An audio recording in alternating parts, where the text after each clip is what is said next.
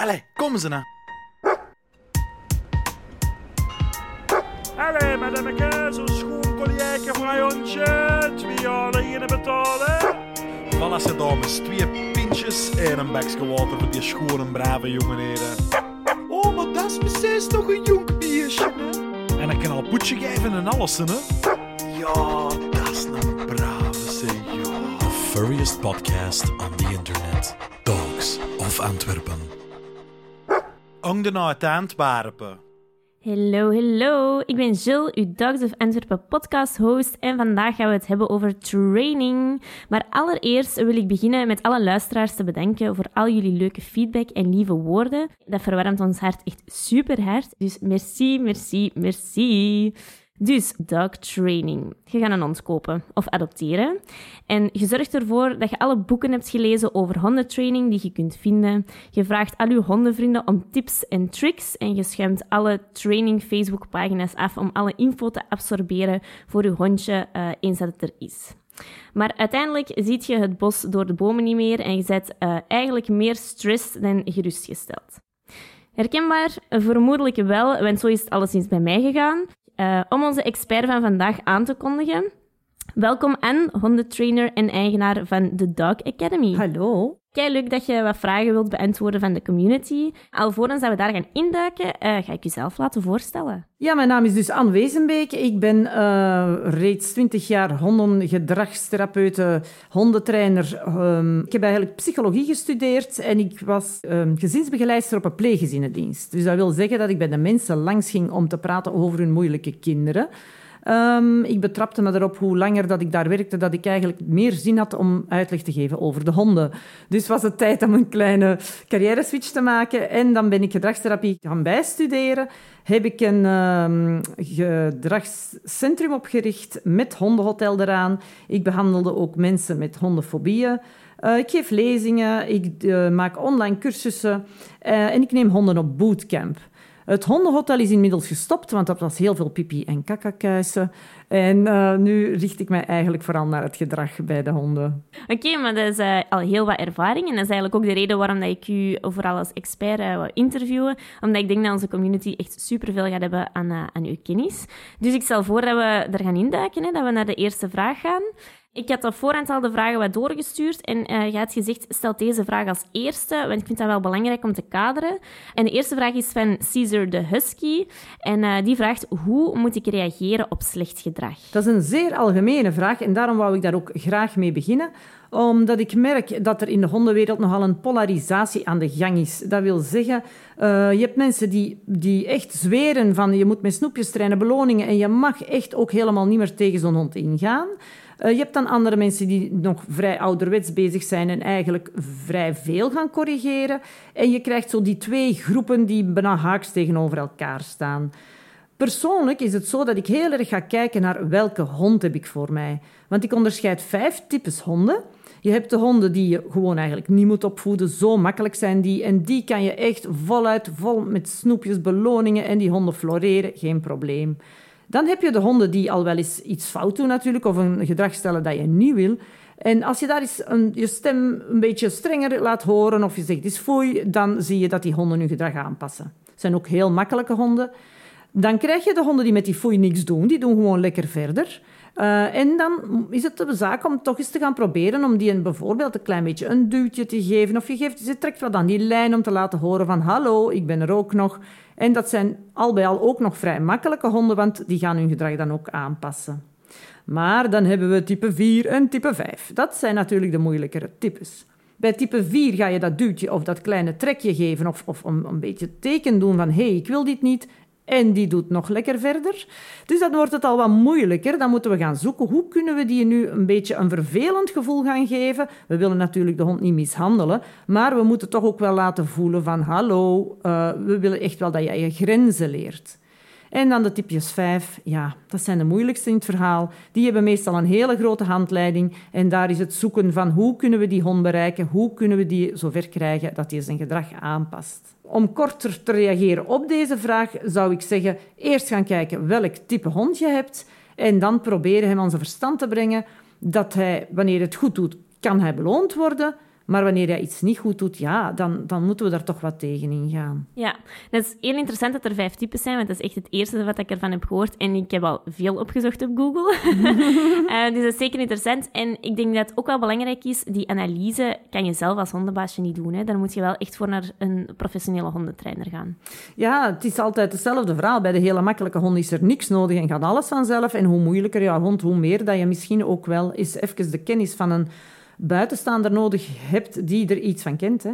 Want zelf zit je er ook heel kort met je neus op en uh, ja, zie je ook niet altijd hoe je zelf bezig bent. Ja, ja, en dan ook de automatische vraag. Ik hoor de volgers al denken, hoe weet ik als ik een keuze moet maken dat ik de juiste hondentrainer kies? Ik zou zeggen, kijk vooral naar de ervaring van iemand en naar wat hij gestudeerd heeft. Want momenteel, um, dus honden, hondengedragstherapeut, hondentrainer, dat zijn allemaal geen erkende beroepen.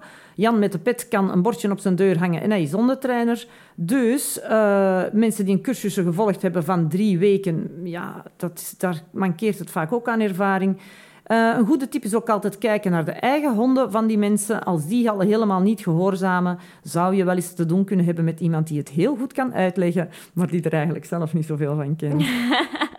dat is een goede tip vooral. Dus uh, het belangrijkste is, doe zeker je research hè, als, uh, voilà. als hondenbaasje. Alright, we hebben ook wat verhalen, of verhalen, liever vragen gekregen uh, over leash behavior, dus het gedrag aan de leiband. Mm -hmm. De eerste vraag, of ik zal ze misschien samen nemen, want misschien heeft dat te maken met elkaar. Um, Frex Klaus Olive, dat is de Instagram-naam, vraagt hoe kan ik mijn hond doen stoppen met blaffen aan de leiband naar voorbijgangers? En Nelly Sena en Sir Jerome vragen hoe kan ik ervoor zorgen dat mijn hond niet uithaalt naar andere honden aan de lijn? Ja. Blaffen aan de lijn, uithalen aan de lijn zijn zowat de meest voorkomende gedragsproblemen waar ik ook uh, mee te maken krijg. We moeten daar heel erg gaan kijken naar wat is de oorzaak van het gedrag. Is dat bij die hond angst en dus omgezet naar angst-agressie? Um, is het uh, territoriaal gedrag? Wil die hond eigenlijk zichzelf en zijn baas beschermen tegen anderen? Dat moeten we eerst wel even gaan uitzoeken. Um, het is eigenlijk een typische vraag waar ik als antwoord op geef van laat van jouw hond een analyse doen dat je eerst weet van waar komt het. Het is ook niet het meest eenvoudige gedrag om af te leren, omdat het te maken heeft met hogere driften. Dus de honden zijn opgewonden en op zo'n moment leren ze ook niet zo goed. Dus meestal ga ik met zo'n mensen aan de slag om te zorgen dat ze eerst dan in lagere drift uh, een goede connectie hebben met hun hond, dat ze meer aandacht van hun hond kunnen krijgen. En uh, dan geleidelijk aan gaan we die afleiding verhogen en gaan we de hond duidelijk maken dat, dat we dat niet willen. En dat er alternatief gedrag is wat veel beter is, namelijk gewoon je, je baasje volgen en hopen dat je iets kan verdienen als je het dan wel goed doet. En ik vermoed dat dat hetzelfde is met de uh, klassieke vraag trekken aan de leiband, want die vraag uh, is gesteld door zowel Caesar de Husky als Sir Jerome als Mackie Golden en ik kan me daar zelf ook al heel hard in vinden. dus is dat dan het, hetzelfde principe als uh, blaffen en uithalen aan de lijn? Wel ja, eigenlijk wel. Het is zo dat een hond niet gemaakt is om aan een leiband te lopen. Wij vergeten dat wel eens, omdat wij in onze cultuur dat maar heel normaal vinden dat wij een hond aan een leiband hangen. Maar eigenlijk, die honden willen van alles. En wat is weer die oorzaak van dat trekken? Heeft hij gewoon te veel energie? Wil hij gaan jagen? Is hij bang en wil hij vluchten? Daar hangt het allemaal een beetje van af. Um, trekken aan de lijn, daar heb je echt wel technieken voor nodig. Je handelingen zijn heel belangrijk. Je timing is daar belangrijk. Dus het is iets wat moeilijk in theorie valt uit te leggen. Er zijn vragen waar dat ik nu veel beter ga kunnen op antwoorden, waar mensen al direct concrete tips gaan kunnen uithalen. Maar bij dat trekken aan de lijn en dat uitvallen aan de lijn is dan een hele moeilijke. Ja, dus dat is echt contact opnemen met je hondentrainer, een goede analyse laten maken, zien van waar het de driften komen uh, en daar eigenlijk een beetje een plan van aanpak voor maken, kan ik me inbeelden. Voilà, en stap voor stap te werk gaan. En um, Evi met Genko, uh, dat is ook de Instagram-naam, vraagt: Mijn hond gaat liggen als hij een andere hond ziet en ik krijg hem niet meer recht. Ik heb al vaker gezien, inderdaad, bij hondenbaasjes, als ik passeer met mijn hond, dat een hond gaat liggen. En ofwel blijft hij liggen als ik passeer met mijn hond, ofwel springt hij dan recht naar mijn hond. Ik weet niet wat het betekent en hoe dat ik erop moet reageren, zowel als andere hond zijn als ik passeer, maar hoe dat de hondenbaasjes met zo'n hond die dat gaat liggen, hoe moeten die dan reageren? Ja, honden gaan soms liggen, vooral wanneer ze niet goed weten wat ze ermee aan moeten. Dus ehm, een hond ziet een andere hond komen, hij wil eigenlijk direct interactie maken met die hond, of hij is misschien een beetje bang van die hond, of, of hij is wat onzeker en hij gaat liggen. Dat komt vanuit het oorspronkelijke jachtgedrag, waarbij honden in een hinderlaag gaan liggen. En sommige van die honden springen dan ook zo plots heel erg recht en, en lopen naar de andere hond. Um, de, hond, Genko moet dus echt wel uh, leren dat hij moet blijven doorstappen. Want dat, niet zo, dat we dat niet willen, zeker niet als hij in het midden van uh, een straat is die hij was aan het oversteken, dan is dat nogal onhandig als hij er ligt. En als je hem niet recht krijgt, dan geef ik aan mensen de, het advies om een paar keer te gaan wandelen met twee. Met twee leibanden de hond vast te maken. De hond dus tussen de twee personen in. En dan de moment dat hij gaat liggen, stap je gewoon met twee door. En je, je moedigt hem aan voor gewoon mee te komen. Hop, kom aan, meekomen. En de lijn komt heel even op spanning, maar je stapt door. En, en ja, die hond voelt dat van twee kanten. Je bent dan ook al veel sterker. En zo gaat hij leren van, ha, eigenlijk wanneer ik gewoon verder stap, er gebeurt ook niks. Die andere hond komt ook gewoon voorbij. En, en dat is het dan. Dus je gaat hem eigenlijk halen uit zijn instinctieve gedrag, wat hij zelf gaat doen. En met tweeën, met tweeën voelt hij veel meer steun. Hij is tussen jullie in. En eigenlijk is dat een heel eenvoudige manier om dat op te lossen. Oké, dat is een goede tip inderdaad. Ik kan me inbeelden dat andere mensen wel eens naar u zouden kunnen kijken als je met twee uh, vasthangt aan één hond. Uh, en we hebben het er net ook kort over gehad, dat als je echt je hond aan het trainen bent op straat, heel veel mensen dan eh, commentaar gaan geven of iets gaan zeggen tegen u terwijl je bezig bent met je hond en denkt, ja, dat is lief en vriendelijk dat je commentaar geeft en mij wilt helpen, maar eigenlijk zet je het tegenovergestelde aan het doen. En het voorbeeld daarvan is dat ik heb een heel angstige hond en als ik dan ga wandelen en mensen willen eraan komen, zeg ik ja, nee, liever niet, want die angst die kruipt tussen mijn benen. Dan begint hij ook te grommen. Dat zegt om aan te geven van blijf weg. En toch gaan mensen dan zeggen, als ik zeg liever niet aankomen, ja, maar ja, ik heb zelf een hond gehad, ik weet hoe dat moet, die moeten erover geraken. En ja, dan begin ik stress te geraken, mijn hond wordt nog meer gestrest en dan, bon, chaos, basically. Um, hoe kun je dat best aanpakken? Ja, uh, honden zijn een beetje gemeengoed, hè. Het lijkt wel alsof ze iedereen toebehoren en dat iedereen het recht heeft om tegen u te komen zeggen wat dat jij met je hond moet aanvangen. En ik vind dat ook wel een moeilijke, want um, ik, ik loop bijvoorbeeld soms met moeilijke honden te trainen op straat. Nu, ik heb geen jasje aan waar dat op staat aanwezig week hondengedragsbegeleiding of zo. Ik doe dat niet. Dus ik zie er vrij gewoontjes uit. En soms komen mensen tegen mij vertellen wat ik allemaal moet doen ik hoor ze dan soms de gekste dingen zeggen en ik moet er dan eigenlijk bij mezelf wel een beetje mee lachen. En ik zeg dan, ah ja, is dat waar? Allee, zeg, goh, ja, allee, ja, ik kan het ook niet weten, hè, want ik ben ook nog maar 30 jaar hondengedragstherapeut. Hè. En dan moeten de mensen wel eens lachen, omdat, en, ze kijken ze zo wat verbaasd van, oh, oepsie, misschien had ik... Ja, voilà. Maar dus met die goede raad van mensen, ja, mensen doen dat om goed te doen, maar vaak is het ook maar dat wat ze hebben horen vertellen van Marie van achter de hoek. En vaak slaat dat gewoon op niks. Um, tussen haakjes, Google en heel het internet, dat zit ook vol met van die mensen. Hè? En wij tegenwoordig, wij zijn nog van de generatie dat wij heel naïef zijn, want het internet is in ons leven gekomen en wij denken, oh wauw, daar kan je alles vinden, alle antwoorden op alle vragen. Ah, wel, ik kan u vertellen, over honden staat er de grootste lulkoek op internet. Het is niet omdat een website heel chic is. Het is niet omdat mensen op een forum mooi kunnen schrijven zonder fouten te, te schrijven dat ze ook inhoudelijk de juiste dingen zeggen. Dus let daar heel erg mee op. Persoonlijk lees ik nooit niks op forums, want ik word er helemaal echt... Wat dat mensen soms schrijven, ja...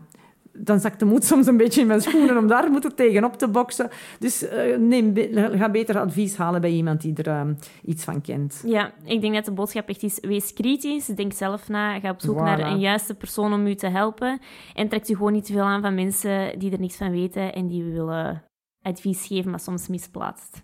Dat zeg ik dan vooral ook als tip voor mezelf nu. Ja, ja en ken je hond, hè? want als jij weet welk type hond je in je handen hebt, dan weet je ook of dat, dat advies wel goed is voor jouw hond. Want het advies van een type 1 is net omgekeerd als het advies van een type 5. Ja, inderdaad. Voilà. Dus ik denk dat dat heel uh, goede woorden zijn om ook echt constant in je hoofd te houden als hondenbaasje. Uh, goed, we gaan naar de volgende vragen. Um, het volgende thema is dog park. Dat is toch ook wel een, um, ja, een thema dat vaak aan bod komt. Uh, ik heb heel veel vragen van Babette de Dog uh, gekregen. Ik ga ze gewoon even allemaal uh, op u afvuren. de eerste is, hoe leren uw hond niet te laten afstormen op andere honden in het hondenpark? Babette is blijkbaar een beetje de fun police. dus als andere honden aan het spelen zijn en stormt ze erop af, haalt ze die er uit elkaar en komt ze super trots terug naar haar baasje om te zien van kijk, ik heb, ik heb toch iets goed gedaan. Uh, en een andere vraag van Babette is ook: is het mogelijk om honden speelgoed te laten delen? Ik zal eerst beginnen met Babette, de, de fun police. Hè. Um, het is zo dat honden instinctief soms een bepaalde taak gaan uitvoeren. Honden zijn gefokt om, om bepaalde zaken te doen. Hè. De, de herders gaan vooral herderen, de waak- en verdedigingshonden gaan vooral bewaken, uh, de terriers gaan uh, op zoek naar ratten en muizen om te vangen. En zo heeft elk type hond zijn, uh, zijn taak waar hij een genetische aanleg voor heeft. Nu, als Babette uh, vindt dat zij de bende spelende honden uit elkaar moet halen en tot rust gaan brengen, kan het wel zijn dat zij dat vindt. Nu, als je dat als baasje niet wil, dan ga je een beetje moeten opboksen tegen die, die een drive bij, bij Babette dan. Uh, en ik denk dat dat de boodschap is om te zorgen dat je veel controle leert te hebben over Babette eerst los van de andere honden, een goede gehoorzaamheid erin steken en dat dan beginnen oefenen wanneer er honden bij zijn. Dat is niet zo'n makkelijke, want wanneer honden aan het rennen zijn op een hondenwei en het gaat er heel wild en druk aan toe, is het dus inderdaad moeilijk om controle te houden. Maar het zal toch een boodschap zijn om veel met Babette te gaan trainen en zorgen dat zij respect krijgt voor jou als baas. En um, ja, dat ze dat, ook aan, dat ze dat ook gaat aanvaarden op het moment dat ze opgewonden is. Dus wanneer honden opgewonden zijn, zitten er allerlei chemische stoffen in hun hersenen, waardoor ze niet zo bereid zijn om te gehoorzamen. Ze moeten dat echt gaan leren om in hogere drift te gehoorzamen. Dus hoe leer je een hond af om te stormen op andere honden?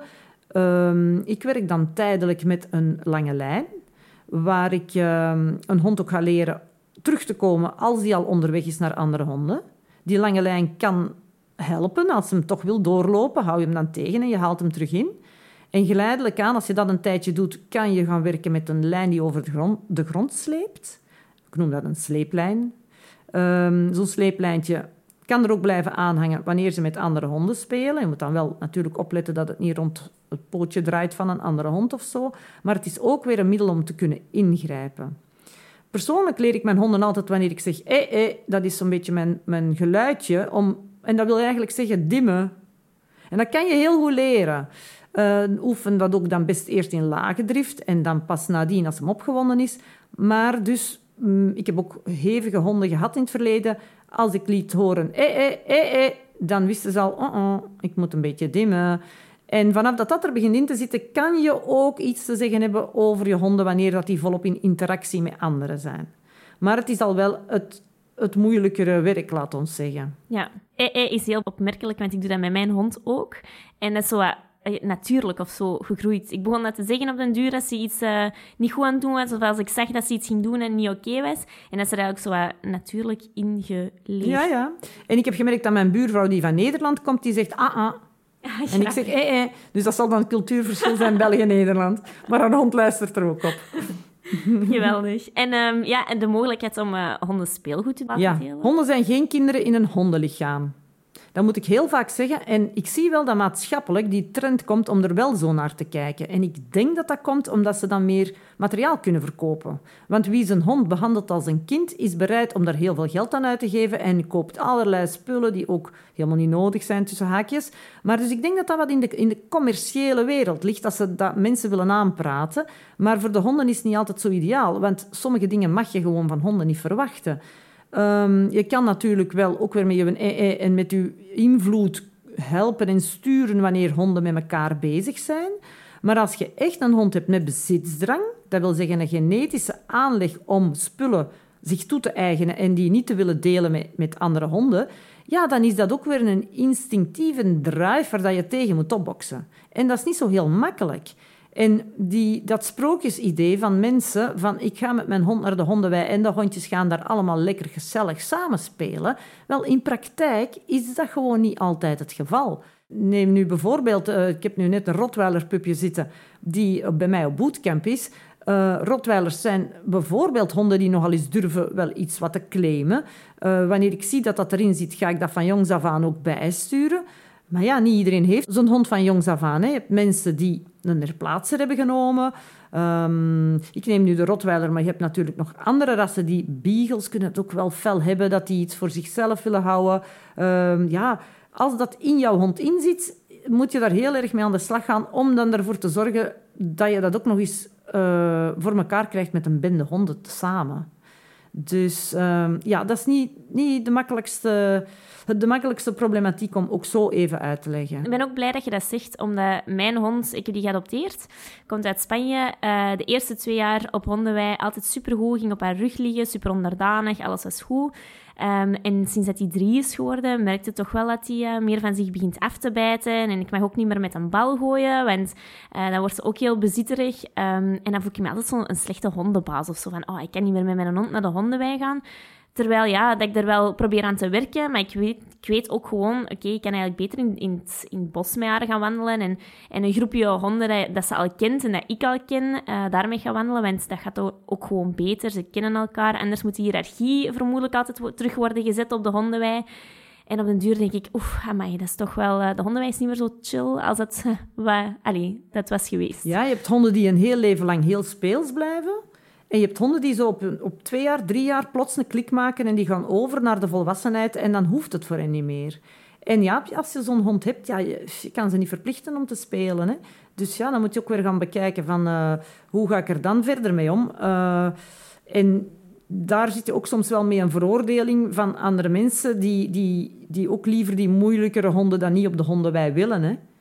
Dus ja, hondenweiden zijn toch niet altijd zo uh, makkelijk voor alles en iedereen. Het is eigenlijk voor een select publiek ja, en ook zoals dat je zegt, uh, want dan ga ik naar de volgende vraag. Gaston Le Petit Garçon uh, vraagt, of het baasje vraagt, hond laten luisteren op een drukke plekken. En dat is eigenlijk wat je net hebt uitgelegd. Hè? Ja, je hond laten luisteren op een drukke hondenweide, dat is niet gemakkelijk. Dus je kunt best uh, rustig beginnen en ergens anders, vermoedelijk. Ja, veel heeft ook te maken met de socialisatie van een hond. Hè. Als je een pup voor de twaalf weken voldoende buiten is geweest en voldoende allerlei zaken heeft gezien, dan gaat hij al zeker geen angst daar meer verder voor ontwikkelen. Uh, dan is het al veel makkelijker om zo'n hond te bereiken. Heb je je hond pas na de twaalf weken binnengekregen en je hebt er geen idee van hoe dat hij die periode voordien heeft doorgebracht, of je weet dat hij bijvoorbeeld alleen maar in een kennel heeft gezeten, dan heb je al een slecht gesocialiseerde hond en dan zijn die heel vaak bezig met overleven in die buitenwereld. Honden die daarmee bezig zijn, en ik zeg altijd mannen en honden kunnen maar één ding tegelijk.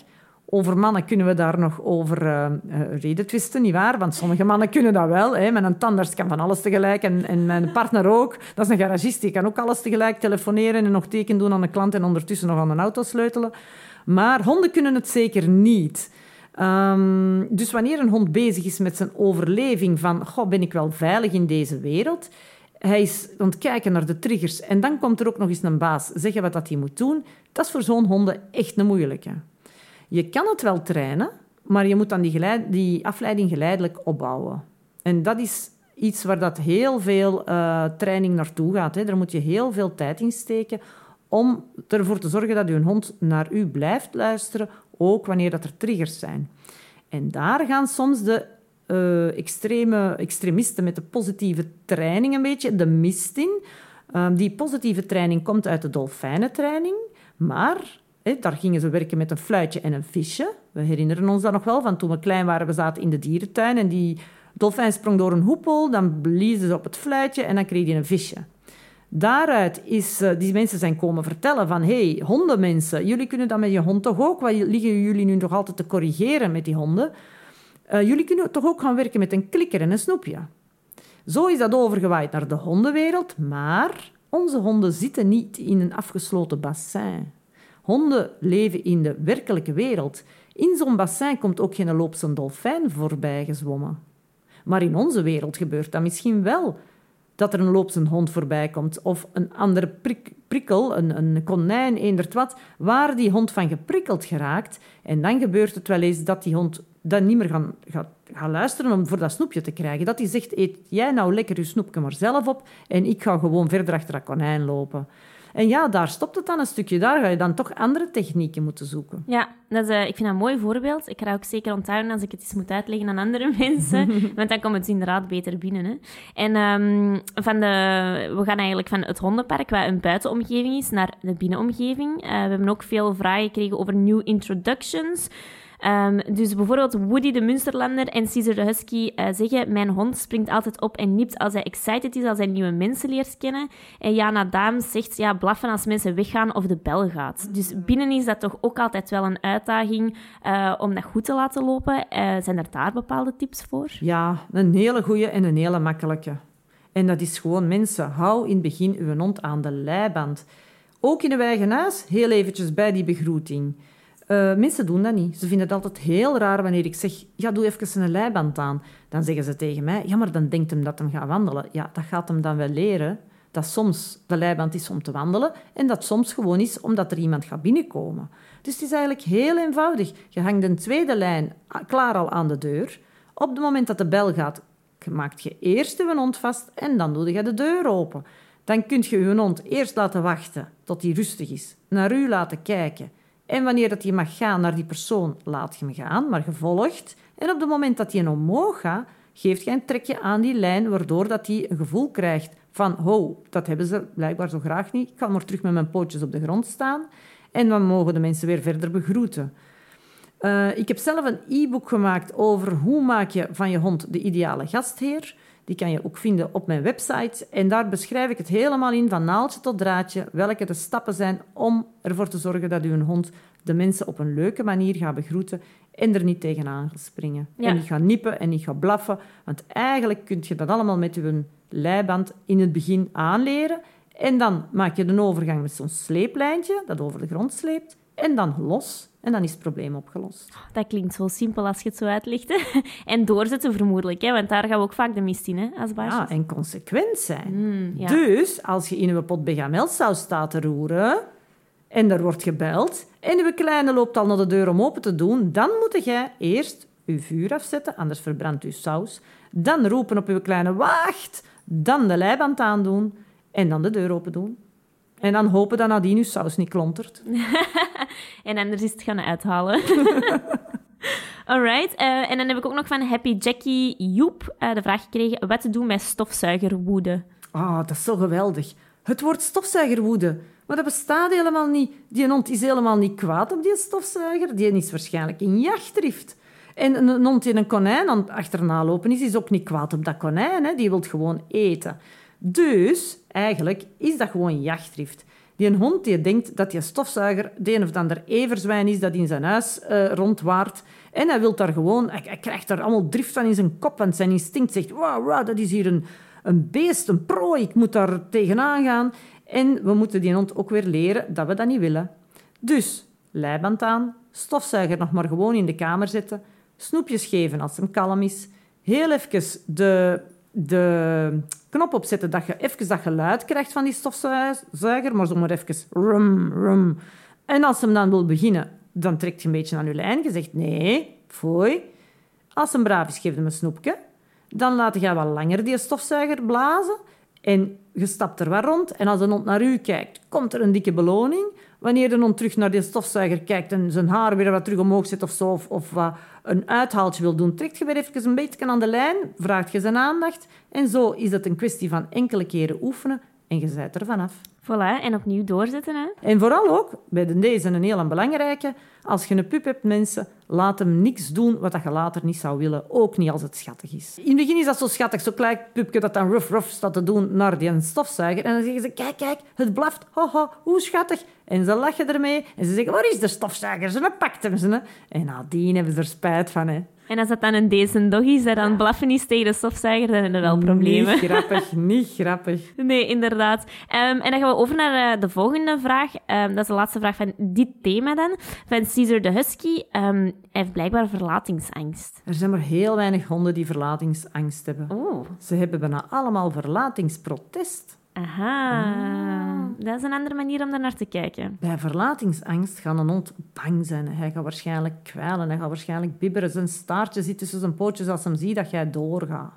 maar staat die staart helemaal recht en zet je hond zich groot en doet je ra, ra, omdat je niet wilt dat jij weggaat, dan is dat verlatingsprotest. Mhm. En daar moeten helemaal anders mee te werk gaan. Ja, hoe dat, dat is, dat kan ik nu dus ook weer moeilijk uitleggen, want daarvoor zou ik dan eerst weer de analyse van een hond moeten doen. Maar weet al dat daar een verschil in is. Bij angsten, hele diepe angsten, gaan we soms wel met medicatie moeten werken, omdat daar niks anders aan te doen is. Maar voor verlatingsprotest is dat zeker niet het geval. Dat is al een hele grote tip. Voldoende laten lopen, met kleine momenten eh, opbouwen en er zeker, hem zeker niet zijn zin geven als hem daar heel uitgebreid staat teken te doen dat hem niet wil dat jij hem alleen laat. Mhm. Ik denk dat dat voor ons ook vaak moeilijk is als baasje om effectief eh, daarbij door te zitten. Maar wel een belangrijke om het gewoon het verschil al, eh, al te kennen hè, Voilà. tussen beiden. Alright, en dan gaan we naar het laatste hoofdstuk. Ehm, dat is algemeen training. dat is redelijk algemeen, maar het is eigenlijk eh, het thema van deze podcast.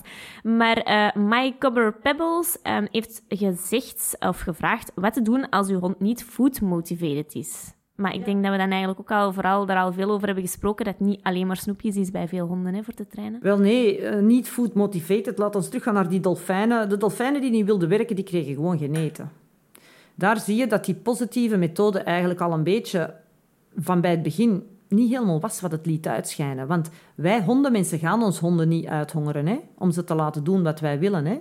Ehm, dus daar mankeren we dan het verhaal. Wanneer honden inderdaad niet zo geïnteresseerd zijn in voedsel, moet je, moet je eigenlijk een beetje eh, gaan terugvallen op andere zaken. Wat bijvoorbeeld wel een balletje kan zijn, of een speeltje. Maar daar gaan mensen soms te veel speeltje laten zien. Als ze met dat speeltje in hun handen staan, dan gaat die hond opgewonden worden en die gaat zoiets hebben van een bal, een bal, een speeltje, oh, een speeltje. En denk eraan, hij kan maar één ding tegelijk. Dus als dat een heel driftige hond is, gaat hij niet kunnen nadenken op dat moment. Dus heel belangrijk is speeltjes en balletjes weg, dat hem ze niet kan zien. Hem laten doen wat je wil en dan een signaal geven dat hem het goed gedaan heeft en dat dan pas het speeltje gaat komen. Een woordje, een klik van een klikker, maakt al niet uit. Bij mij is dat woordje yes. Ehm, ik zeg dan yes en dan pas komt die een bal tevoorschijn. Dat werkt al veel beter dan dat je heel de tijd met je bal voor die ogen staat. Want dan, ik heb jaren met labradors getraind, die hebben dat ook heel erg... Die kunnen nog maar aan één ding denken. Bal, bal, bal. En van boven in dat kopje werkt dat niet meer. Ja. Moest dat niet lukken, ook weer eh, een goede tip om te raden te gaan bij mensen die hoogdriftige honden trainen, die daar kennis van hebben. En dan gaat die, gaat die persoon waarschijnlijk daar wel geholpen kunnen worden. Hè. Alright, dat zijn eh, alleszins al heel goede tips. En vooral ook, allee, we moeten ook gewoon erover nadenken of blijven beseffen dat honden maar aan één ding kunnen denken. Hè. Dat is Voilà. het belangrijkste. En dan eh, de laatste vraag. Ik denk dat dat een heel mooie is om af te sluiten. Eh, King Scott the First vraagt: Is een hond ooit te oud om te leren? Totdat hem dement is, kan hem leren.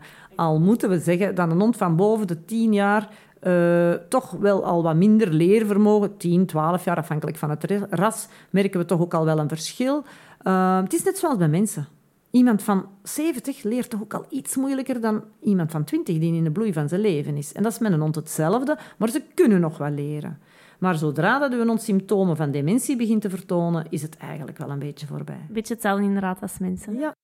Alright, amai, dan zijn we, eh, dan zijn we rond. En eh, dan wil ik gewoon ook nog, zoals eh, bij de vorige podcast, zeggen dat we een giveaway hebben. Ehm, dankzij Anne. Ehm, Anne, je hebt verschillende online cursussen. waaronder één is hoe je hond leren altijd te komen als je roept, waar enorm veel theorie in staat en heel veel veelgestelde vragen. Ehm, en die geeft je graag weg aan de winnaar. We zeggen ook altijd, je moet een codewoord eh, geven. Het gaat een Instagram eh, giveaway zijn. Eh, dus check zeker Instagram van Dogs of Antwerpen. Het codewoord dat je moet delen is kom hier. Uiteraard. Ehm, dus ga zeker voor alle regels kijken naar Dogs of Antwerpen. Ehm Anne, waar kunnen ze u nog vinden overal? Ze vinden mij op mijn website thedogacademy.be. Eh voilà, dat is de beste. Of, of ze kunnen natuurlijk wel bellen. Momenteel zit ik met heel erg drukke weken, want het is hoogseizoen. Iedereen wil zijn hond laten trainen wanneer ze op vakantie zijn, dus dat is nu het geval. Ehm, maar voilà, mensen zijn altijd welkom om eh, mij te contacteren wanneer dat ze een probleem hebben met hun hond. Eh, mijn online cursussen zijn ook eh, natuurlijk steeds beschikbaar. En ehm, zowel de cursus van hier komen als die van online basisgehoorzaamheid. Daar werk ik heel veel met videomateriaal waarbij je mij kan zien werken met de honden. En dat is toch wel, vind ik, een meerwaarde tegenover een boek, want ik wou eerst een boek schrijven. Uh, maar eigenlijk voor dit onderwerp is het toch wel heel mooi als je iemand kan zien trainen en kan zien wanneer dat hij beloont, wanneer dat hij uh, interactie maakt met je hond. En dus dat is toch wel de meerwaarde van die online cursussen. Alright, kijk Ik ga het zeker eens een keer bekijken. Um, ik zal voor alle luisteraars um, alle informatie ook nog in de show notes zetten. Dus als je Anne wilt contacteren, ga ik haar contactgegevens er ook bij zetten. Dus haar website, um, Facebook, Instagram. En dan, uh, Anne, wil ik u vooral keihard bedanken voor alle super waardevolle informatie. Dat was graag gedaan. Kijk hoe. En luisteraars, bedankt uh, om te luisteren naar deze podcast. Laat me zeker weten wat jullie ervan vinden. Als jullie feedback hebben, let me know, want we doen het voor jullie. Merci. Ciao, ciao. Allee, kom ze nou. Allee, madameke, zo'n schoon collièke voor een hondje. Twee jaar betalen. Voilà, dames. Twee een bakje water voor die schone, brave jongenheden. Oh, maar dat is precies toch een jong biertje, hè? En ik kan al poetje geven en alles, hè? Ja, dat is een brave, zeg, ja. The furriest podcast on the internet. Dogs of Antwerpen. Ongde uit Antwerpen.